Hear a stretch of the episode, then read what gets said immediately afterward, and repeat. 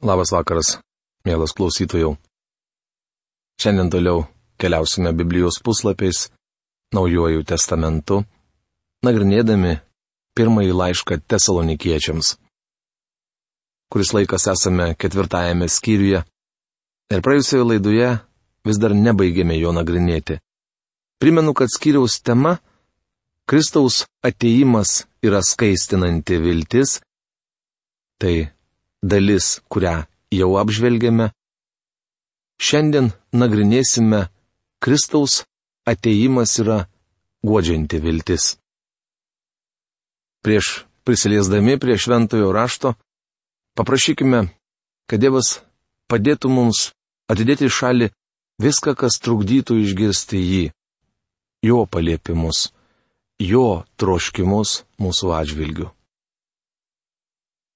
Tėve mes dėkingi tau, kad galime nusilenkti prieš tavo didybę ir dėkojame tau, kad tu dovanojai mums gyvenimą. Ačiū tau, kad kiekviena diena šiame gyvenime yra tavo malonė. Dėkojame tau, kad pažinę tave galime žinoti, jog tu esi be galo gailestingas ir atleidi kiekvienam tikinčiajam tavimi visus nusižengimus, kuriuos jis darė praeitįje kuriuos jis daro šiandien ir kuriuos dar padarys ateityje. Mes dėkojame tau, tėve, kad ir šį vakarą galim prisiliesti prie tavo žodžio ir prašome tavęs, kad tu prabiltum į mūsų širdis, kad tu padėtum mums pamatyti save, tokius, kokie mes iš tikrųjų esame, ir išgirsti daugiau apie tave ir sužinoti, koksgi tu esi ir koks tavo reikalavimas mums žmonėms. Kas turi pasikeisti mūsų gyvenime? Meldžiame, kad į šitą klausimą galėtume gauti atsakymą kiekvienas. Palaimink tą laiką. Jėzaus vardu. Amen. Taigi, Kristaus ateimas - godžianti viltis. Dabar priartėjome prie antrosios laiško dalies, kuri vadinama viena iš svarbiausių pranašiškų vietų šventajame rašte. Joje mokoma apie artėjantį ir neišvengiamą Kristaus ateimą pasiimti savo bažnyčios. Tai nereiškia, kad Kristus ateina tučtuojau arba labai greitai. Paulius niekur nevartoja tokio posakio. Jis nenorėjo, jog žmonės manytų, kad tai įvyks jų gyvenimo laikotarpiu arba netrukus po to. Dabar jau praėjo daugiau nei 2000 metų. Tačiau kai sakoma, jog Kristaus ateimas artėja, turime galvoje, jog jis artinasi arba kad tai artimiausias įvykis Dievo programos dienotvarkėje. Norėčiau papasakoti vieną istoriją. Vieną kartą su žmona naujų DC-10 lėktuvu iš tarptautinio Los Andželo oro uosto skridome į Floridą. Skrydį pilotavo draugiškas kapitonas, kuris pradėjo bendrauti su keleiviais vos tik pakilome į orą. Kaip matote, oras pietų Kalifornijoje puikus. Majamije, Floridos valstijoje, oras taip pat labai geras. Tikimės, kad jis nepasikeis, kol mes atvyksime. Skrisime virš Teksaso ir žinoma niekas nežino, koks oras mūsų laukia ten, tačiau šiandien skrydis turėtų būti puikus. Kitas mūsų nusileidimas - Majamije. Neatsirado ne vieno keleivio, kuris būtų pašokęs, čiupęs savo lagaminą ir nubėgęs prie durų, nes išgirdo kapitonas sakant, kitas sustojimas Majamije. Sustojimas buvo neišvengiamas. Kitaip tariant, prieš tą nusileidimą Majamije nebus jokio kito sustojimo.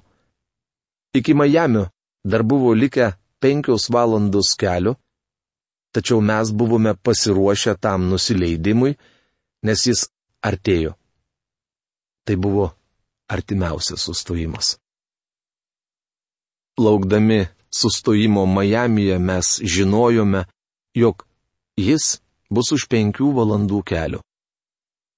Už kiek laiko įvyks Kristaus ateimas? Nežinome. Gali praeiti penkios valandos, penkios dienos ar penkios savaitės. O galbūt penki mėnesiai, penkeri metai ar penki šimtai metų. Mes paprasčiausiai to nežinome. Tačiau Kristaus ateimas artėja. Tai būsimasis įvykis. Paulius labai aiškiai tvirtina, jog jis tikėjo artėjančių Kristaus grįžimu. Šios kiriaus penkioliktoje eilutėje jis rašo. Mes, gyvieji, išlikusieji iki viešpaties ateimo. Paulius tikėjo, kad viešpats Jėzus galėtų ateiti jo gyvenimo laiku. Jis nekalbėjo ir netvirtino, kad Jėzus ateis jo gyvenimo laiku, tik sakė, kad gali ateiti. Tokį požiūrį jis išreiškė rašydamas Titui. Laukdami palaimintosios vilties ir mūsų didžiojo Dievo bei gelbėtojo Jėzaus Kristaus šlovės apsireiškimo. Rašoma laiškė Titui antrame skyriuje, tryliktoje eilutėje. Kai kurie kaltina Paulių, neva jis bėgant metams pakeitė savo poziciją neišvengiamo Kristaus ateimo atžvilgiu. Nepamirškime, jog šis laiškas tesalonikiečiams buvo jo pirmasis laiškas. Ar Paulius pakeitė savo teologiją? Rašydamas filipiečiams, jis buvo jau senas žmogus, Romos kalinys. Apaštalas rašė. O mes esame dangaus piliečiai ir iš jo mes laukiame išgelbėtojo viešpaties Jėzaus Kristaus. Tai Filipiečiams laiško trečios skyriaus 20 eilutė.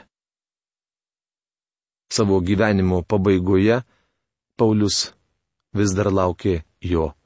Kitaip tariant, Kristaus ateimas artėjo. Šį Kristaus ateimą pasiimti savo bažnyčios kai mes būsime pagauti debesysna, kad pasitiktume viešpatį ore. Paulius pavadino bažnyčios paėmimu. Šiais laikais kai kurie laikosi kitokios nuomonės. Jie tvirtina, jog Biblija nemoko apie bažnyčios paėmimą ir kad Naujajame testamente toks žodis apskritai nepavartotas. Aš primiktinai sakau, kad jis pavartotas. Jį galima rasti šios skyriaus 17 eilutėje. Paskui mes, gyvieji, išlikusieji, kartu su jais būsime pagauti debesysna pasitikti viešpaties ore ir taip visuomet pasiliksime su viešpačiu. Graikiškame Originale šioje eilutėje pavartota žodis harpazų verčiamas žodžiu pagauti. Be minėtos reikšmės jis dar reiškia greitai pagauti ar pačiupti, pagriepti, pakelti, pernešti arba pagrobti. Paėmimas yra žodžio pagavimas sinonimas. Faktas tas, jog Biblija moko, kad tikintieji Kristuje bus pagauti debesysna pasitikti viešpaties ore. Tai reiškia, kad Paulius mokė apie bažnyčios paėmimą. Jei norite, galite sakyti, jog tikite harpazo. Tai originalus graikiškas žodis, kuris reiškia paėmimas arba pagavimas. Svarbiausia tai, jog bažnyčios paėmimas gali įvykti bet kurią akimirką. Tai artimiausias įvykis Dievo programoje. O dabar norėčiau apie šią šventojo rašto vietą pasakyti šitą pritrenkiančio. Iš tikrųjų, visų pirma, čia kalbama ne apie bažnyčios paėmimą. Paulius čia pateikia atsakymą į tikslų klausimą. O kaip bus su tikinčiaisiais, kurie mirė prieš įvykstant paėmimui? Kad suprastume, kodėl Tesalonikos tikintiesiems šis klausimas buvo toks svarbus, apžvelgsime šio laiško istoriją. Kaip jau minėjau, antros savo misijų kelionės metu Paulius nuvyko į Tesaloniką ir, kaip rašo raštas, tris šabus aiškino jiems raštus. Taip užrašyta apaštalų darbų knygos 17 skyriaus antroje eilutėje. Tai reiškia, jog Paulius praleido ten mažiau nei mėnesį. Per tą mėnesį jis atliko milžinišką misionieriaus tarnystę. Jis pamokslavo Evangeliją, žmonės atsiversdavo ir tai buvo įkurta bažnyčia. Tuomet šios naujus tikinčiuosius Paulius mokė didžiųjų krikščioniško gyvenimo tiesų. Įdomu, jog jis mokė juos netgi apie bažnyčios paėmimą. Kai savo denominacijoje buvau dar jaunas pamokslininkas. Apie pranašystes buvo pamokslaujama nedaug. Atvirai kalbant, nemanau, jog tarnautojai būtų labai apie jas išmane. Jie teisindavosi sakydami, nereikėtų apie tai pamokslauti. Tai gili tiesa ir ją reikia skelbti subrendusiems šventiesiems naujųjų tikinčiųjų nereikėtų jos mokyti. Kągi, labai blogai, kad Paulius to nežinojo. Nes jis nebuvo praleidęs su tesalonikiečiais nie mėnesio, o jau mokė juos suprasti pranašystes. Iš tiesų, pradėję skaityti antrąjį laišką pamatysime, jog jis mokė juos apie didįjį suspaudimą, ir nedorybės sūnų antikristą, kuris turi ateiti. Šiems tesalonikiečiams Paulius išdėsti visą pranašyščių gamą. Negalima tvirtinti, kad tai neskirta naujai tikėjusiems.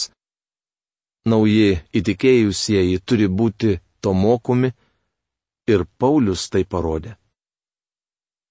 Akivaizdu, kad Paulius mokė tesalonikiečius, jog bažnyčios paėmimas yra neišvengiamas ir gali įvykti bet kurią akimirką. Netrukus Paulius buvo priverstas išvykti iš Tesalonikos. Jis nukeliavo į Berėją, ten įkūrė bažnyčią ir kurį laiką pasiliko joje. Tuomet sėdo į laivą ir nuplaukė į Atenus. Neaišku, kiek laiko jis ten užtruko. Apaštalas laukė, kol Timotiejus ir Silas atneš žinių iš Tesalonikos. Jiems nepasirodžius, Paulius nukeliavo į Korintą. Neilgai trukus į Korintą atkeliavo Timotiejus ir Silas. Jie atėjo su tesalonikiečių klausimais, kuriuos jie norėjo užduoti Pauliui. Trokšdamas tikinčiuosius padrasinti, ir atsakyti į specifinius klausimus apie bažnyčios paėmimą, Paulius parašė pirmą laišką tesalonikiečiams.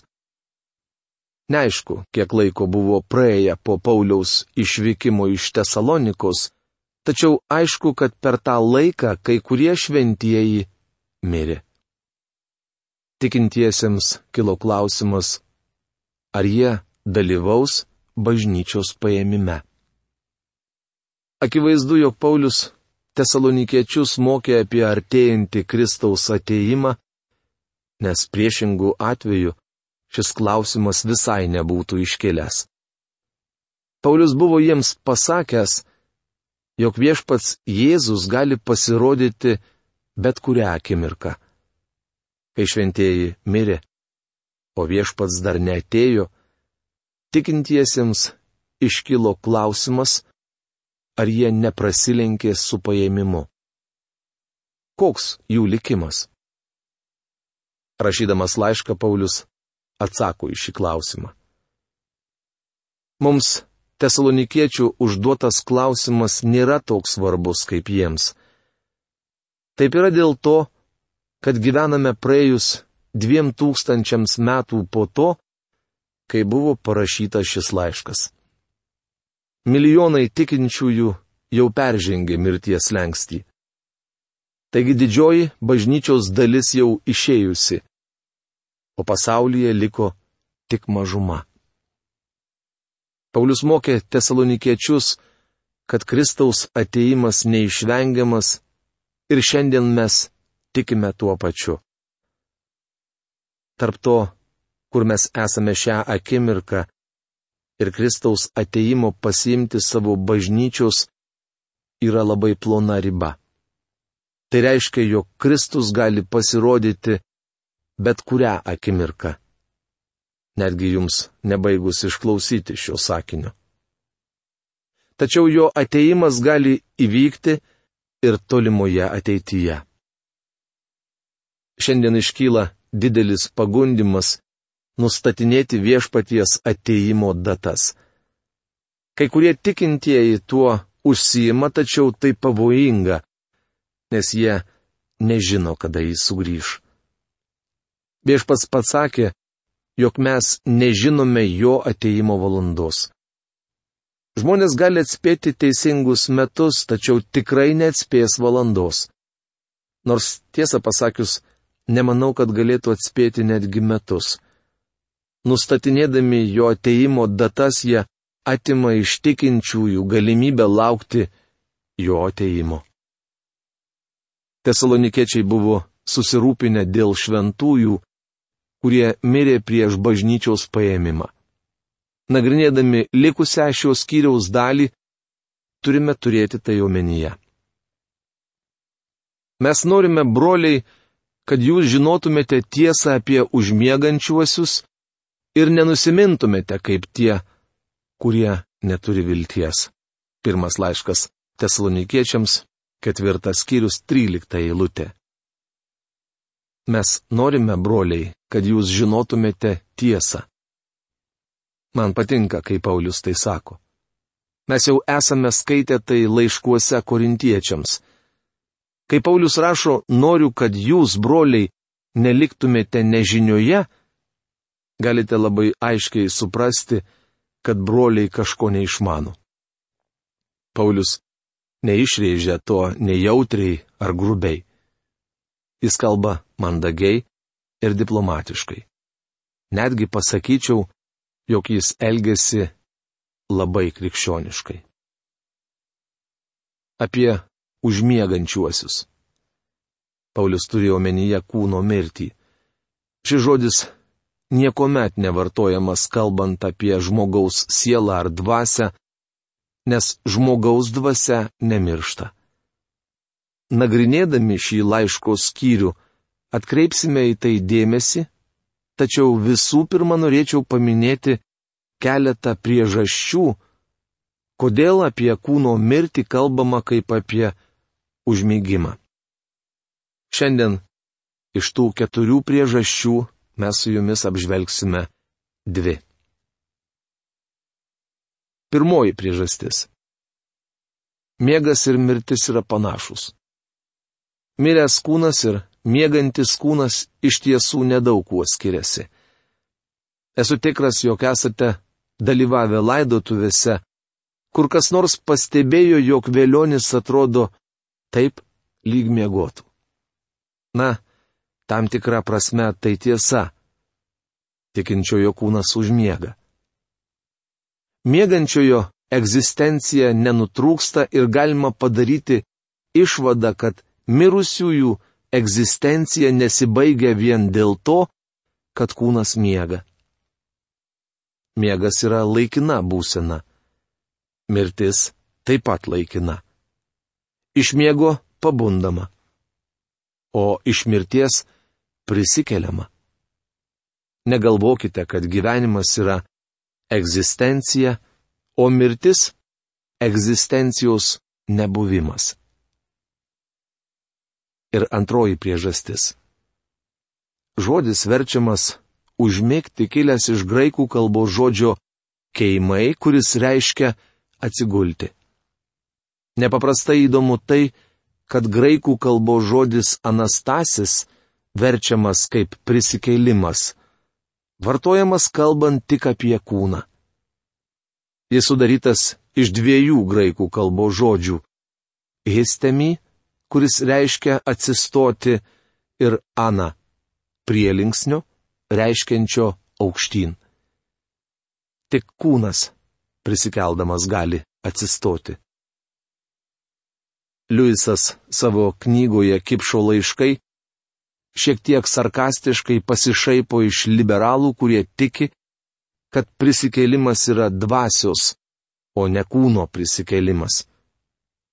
Jis klausia, kokioje padėtyje būna siela arba dvasia, kuomet numiršta, arba kokioje padėtyje atsiduria dvasia, kai prisikelia.